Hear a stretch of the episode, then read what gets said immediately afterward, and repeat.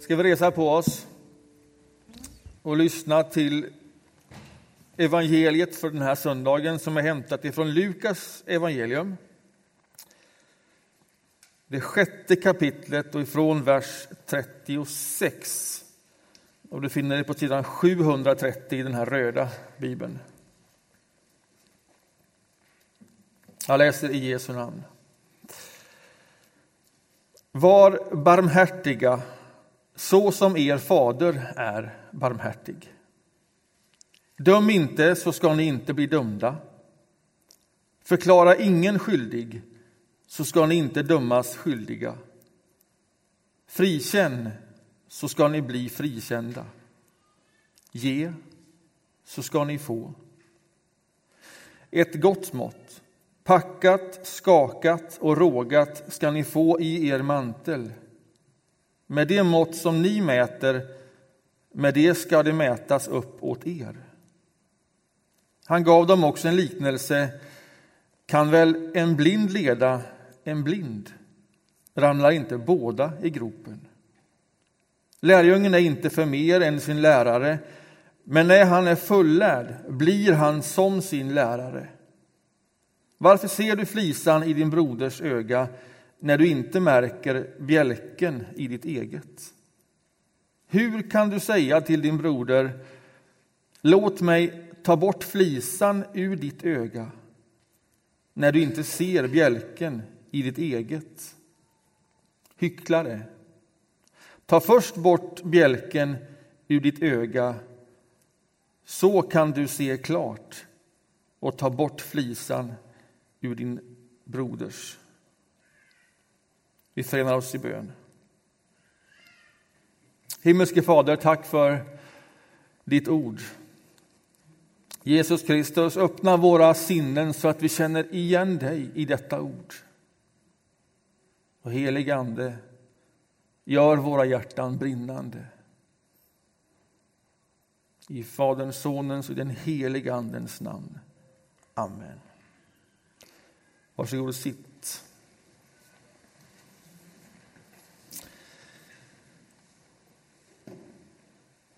Att inte döma är rubriken över hela vår gudstjänst. Och så har vi läst det här textutsnittet ifrån Lukas evangelium. Och vad är det här för text egentligen som vi har läst? En mängd, många korta sentenser som är väldigt, ja, de är väldigt klara, de är enkla, de är hyggligt konkreta, okomplicerade. Man skulle kunna använda många av dem som slogans för kyrkor eller andra organisationer eller bara för ett eget liv. De går att komma ihåg. Om jag skulle be er här nu att försätta er i ett par stycken bikuper och fundera över vad var det vi just nu hörde så tror jag att ni skulle komma ihåg tillsammans, om ni fick resonera, ganska mycket av det vi nu fick höra. Och så är det ju inte alltid när man läser en bibeltext. Efteråt behöver man gå tillbaka och läsa en gång till för att se vad var det vi läste nu. Men nu står sånt här, som man liksom kan komma ihåg. Var barmhärtiga, som er fader är barmhärtig. Eller döm inte, så skall ni inte bli dömda. Det är väldigt klart och tydligt. Frikänn, så ska ni bli frikända. Ge, så ska ni få. Inte kan väl en blind leda en blind? Varför ser du flisan i din broders öga men inte märker bjälken i ditt eget? Ja, men det är klart, det är tydligt. Okomplicerade levnadsregler. Är det rimliga levnadsregler? Är det bara läsa och göra just för att det är så okomplicerat och klart och enkelt och tydligt och rättframt? Ja, men både ja och nej. Visst är det helt rimligt och visst är det ibland helt orimligt. Idag, parallellt med vår gudstjänst här, så håller Anna Kin Batra sitt partiledartal i Visby i Almedalen. Jag har ingen aning om vad jag säger, för det pågår just nu förmodligen. Eller så har det just avslutats. Men jag har varit där ett par dagar i veckan och hört några av de andra partiledartalen. Och det skulle förvåna mig om inte detta talet också har någonting av samma dramaturgi som de andra talen har under den här veckan. Väldigt förenklat så hittar man någonting att svartmåla, någonting som står för det andra, någonting som har varit. Och sen när det är tillräckligt svart målat, då rullar man ut den ljusa lösningen och det egna perspektivet. Naturligtvis säger de mycket mer än så. Men det finns alltid en sån förenklad del av det som har varit av de andra och det egna perspektivet som det givna och det bästa. Och det är inte bara partiledare som finns i Almedalen, där finns alla intresseorganisationer samlade. Alla uttrycker sin mening, alla vill få fram sin åsikt. Där finns företag som vill ge sitt perspektiv på saker och ting. Och där finns inte bara alla sorters intresseorganisationer och företag, där finns kyrkan. Elida står parkerad vid kajen. Bilda samlar ihop till seminarium tillsammans med Newman-institutet och Signum, den katolska tidskriften. kyrkan är där, Sveriges kristna råd är där, Pingströrelsen är där, tidningen Dagen är där tillsammans med på scenen G som är Gud, som vann pris för ett läckert namn. Räddningsmissionen är där. Reningsborg är där. Där är liksom alla som är mån om samhällsbyggnad på något sätt. Och så vill då alla ge sin bild och sitt perspektiv av detta. Och det pågår kanske 3 000, kanske 4 000 seminarium under få dagar. Det är massivt. Och när man besöker ett par av de här seminarierna och kanske medverkar i något själv så är ju alla väl förberedda på vad då? Att ge sitt perspektiv. Sin lösning, sin idé. Det som är det givna och ofta det bästa. Och så tänker ju allihop. Och det gör att det sällan blir något rejält samtal vid den typen av paneler. Utan man försöker så mycket det bara går att få fram det som man vill själv få fram. Men sen någon gång däremellan så glimmar det till. När man lyssnar på varann.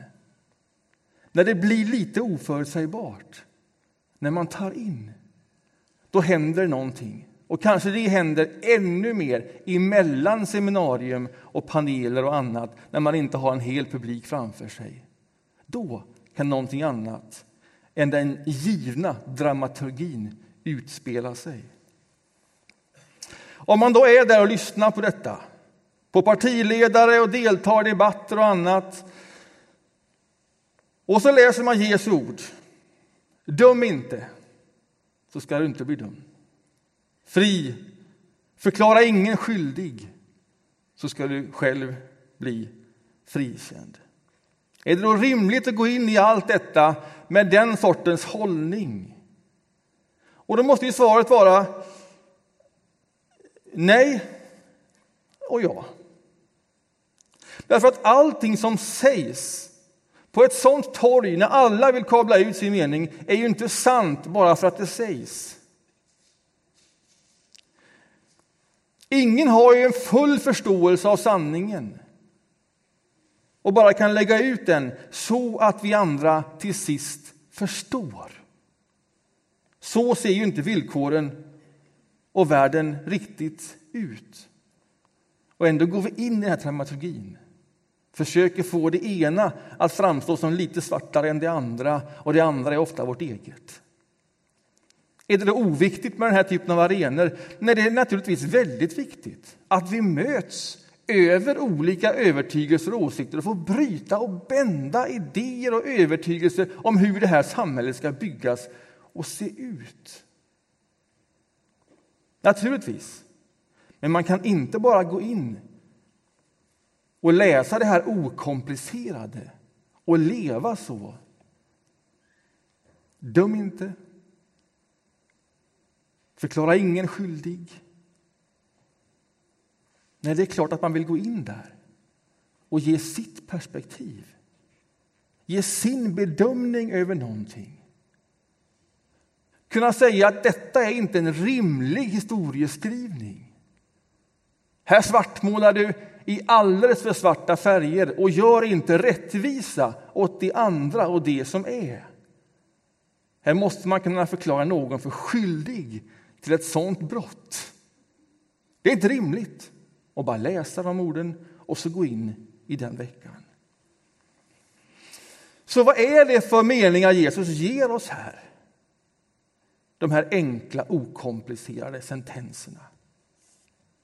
Ja, jag tror inte det är en lista. En ny lista på etiska förhållningssätt som man nu ska gå in, lära sig och bara leva ut. Det är ju inte Jesu pedagogik. Det är det han värjer sig mot när han själv går i clinch med andra lärda där man utifrån den stora berättelsen hade skapat och mejslat fram ganska rigida förhållningsregler och tolkningsregler hur man exakt skulle förstå saker och ting. Och det är ju det han går emot. Och så kommer han med en annan lista. Hur ska man förstå det här? Jag tror man inte ska förstå det som en sån lista. Utan man ska förstå det som att han försöker inpränta i oss en inre hållning.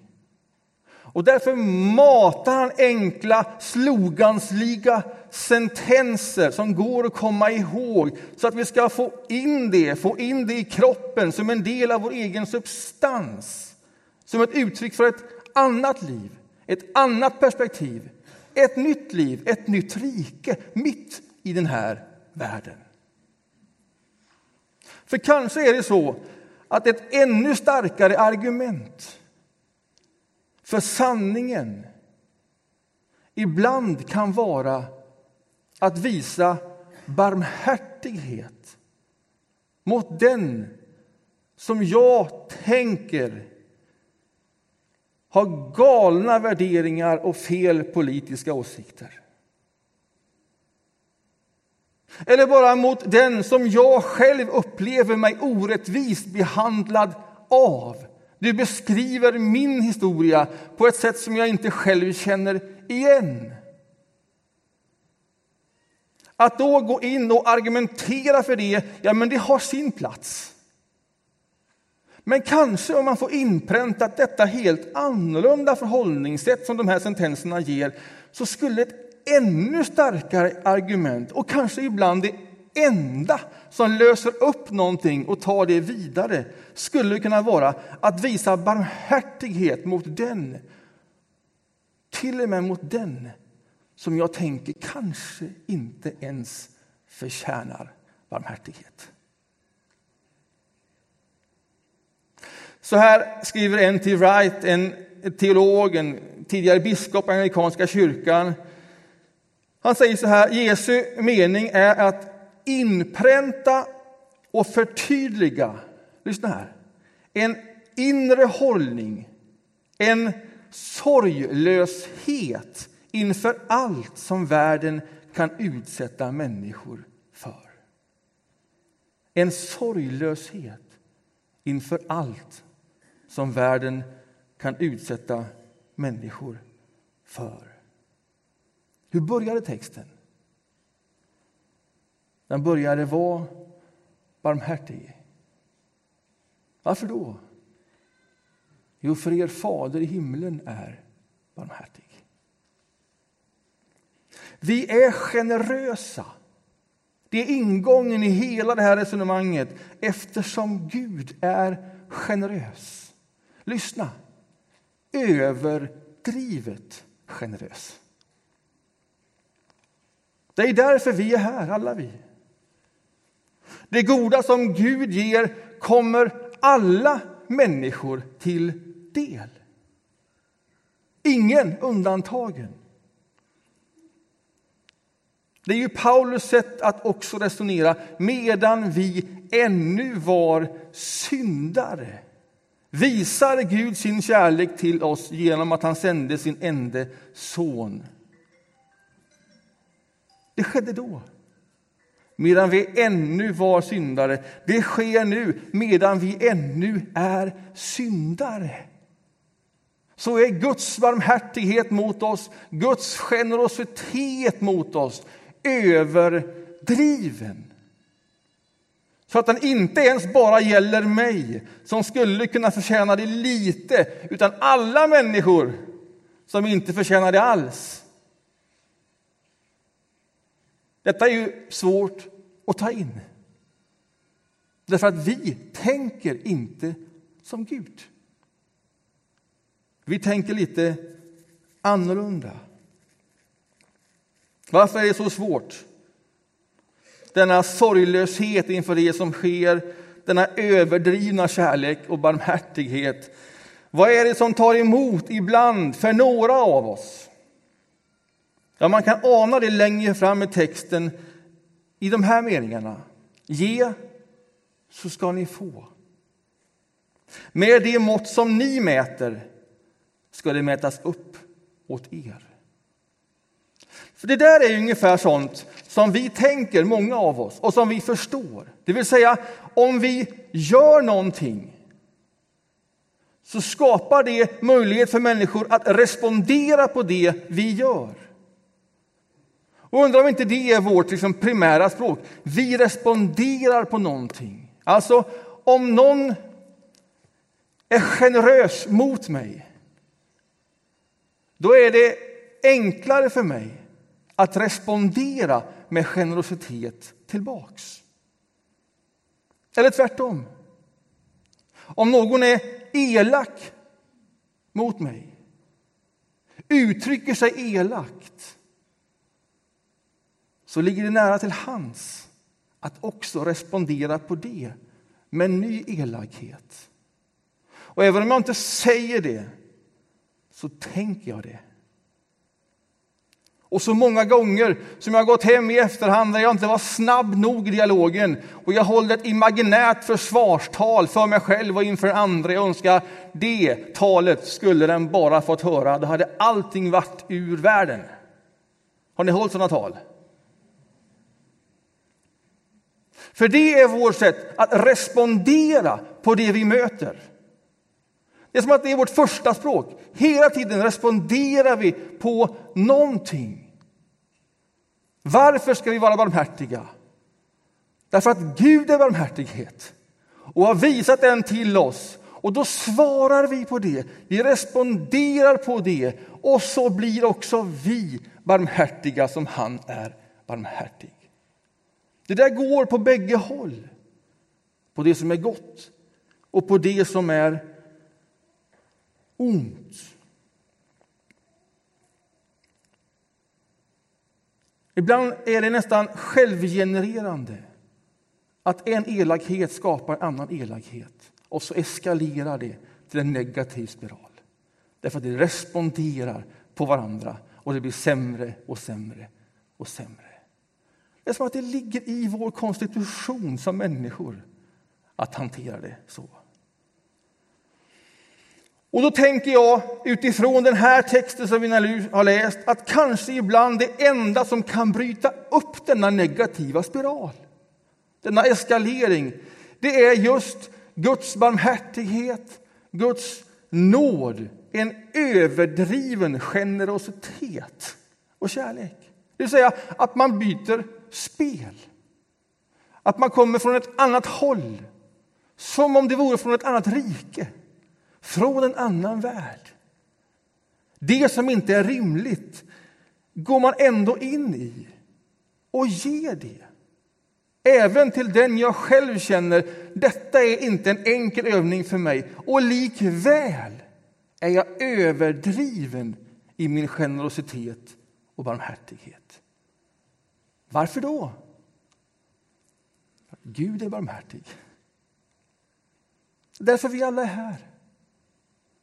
Annars hade ingen av oss varit här. Det är därför vi behöver Gud. Det är väl så man ska förstå Jesu ord när han säger kan en blind leda en blind?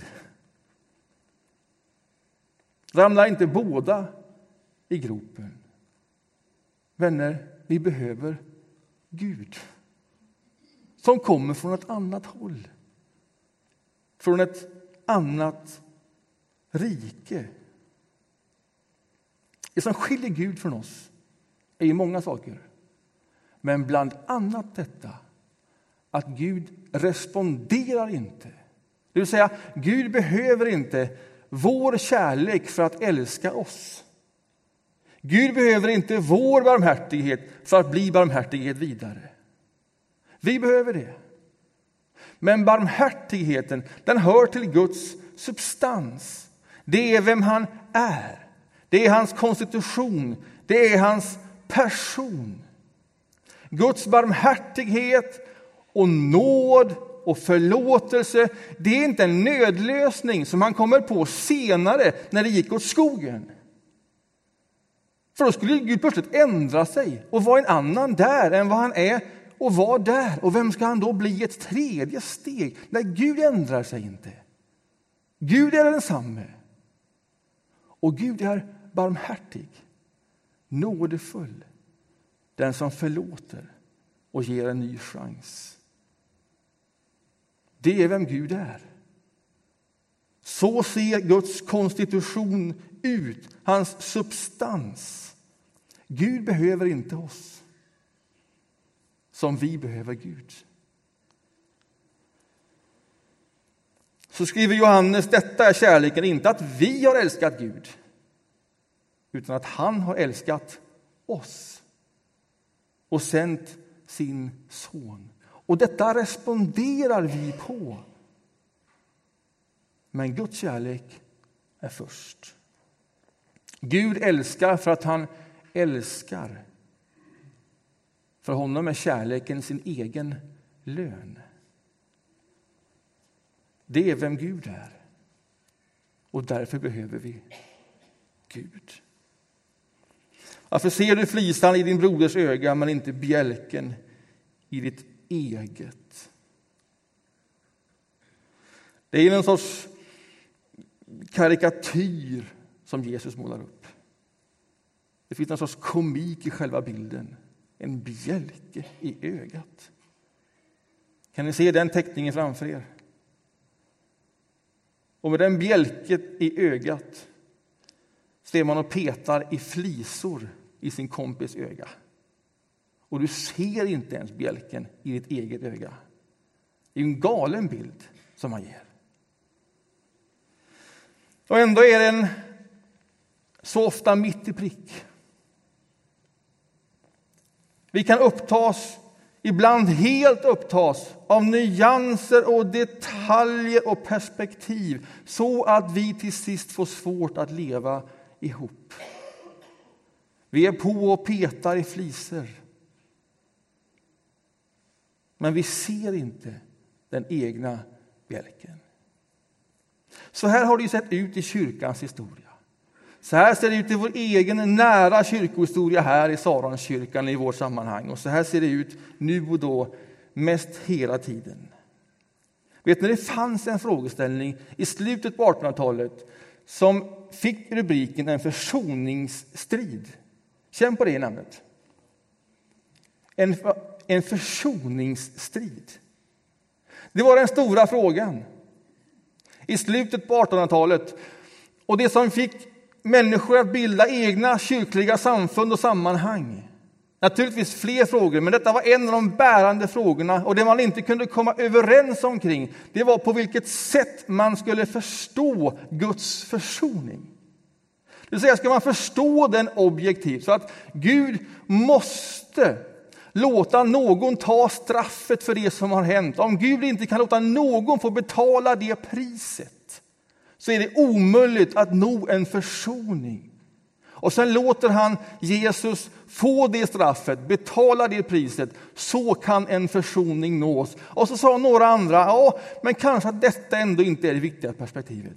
Kanske man ska se på det mer subjektivt. Det stora problemet är inte vem som ska få ett straff. För om inte det sker så kan inte Gud komma vidare.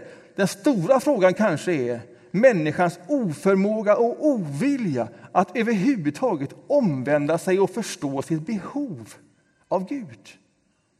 Och Det är därför Gud sänder sin son, för att visa vem Gud är, hur mycket Gud älskar. Och så börjar man bråka om två olika perspektiv så mycket att man är tvungen att gå två olika vägar. Och sen går det hundra år, kära vänner. Och sen slår sig fribaptisterna, har ni hört det uttrycket? Helgelseförbundet, har ni hört det uttrycket? Det är vårt samfund här. Nej, Örebromissionen är vårt samfund här och Helgelseförbundet. Tre stycken baptistsamfund slår sig ihop och blir nybygget Evangeliska Frikyrkan. Helt utan någon sorts debatt om försoningslära. Och då ska man veta att fribaptisterna de förfäktade den subjektiva försoningsläran. Medan Helgelseförbundet och Örebromissionen de stod för den rena objektiva. Och så går det hundra år efter att det var kyrkoskiljande och så stort. Och hundra år senare så kan man slå ihop alltihopa utan ens ett samtal om den frågan som var skiljande. Ja, men någonting ska man ändå lära sig av sin egen historia. Att vi upptas så lätt av nyanserna och perspektiv av samma sak. Där vi inte har förmågan att se, finns det någonting i detta perspektivet som fångar någon aspekt av försoning som du ändå inte förstår i sin helhet? Ingen gör det. Och finns det någonting där man ömsesidigt kan se på varandra på det sättet? Ja, men det är klart det finns någonting av detta. Det finns en rättvis aspekt. Men det finns också en kärleksaspekt. Det finns poänger lite överallt. Så ser det ju ofta ut. Och så låter man de här nyanserna, små perspektiv bli så stora. Och så ser man inte bjälken i sitt eget öga. Och vad är då bjälken? Bjälken skulle kunna vara barmhärtighet, nåd och kärlek. Döm inte, så ska du inte bli dömd.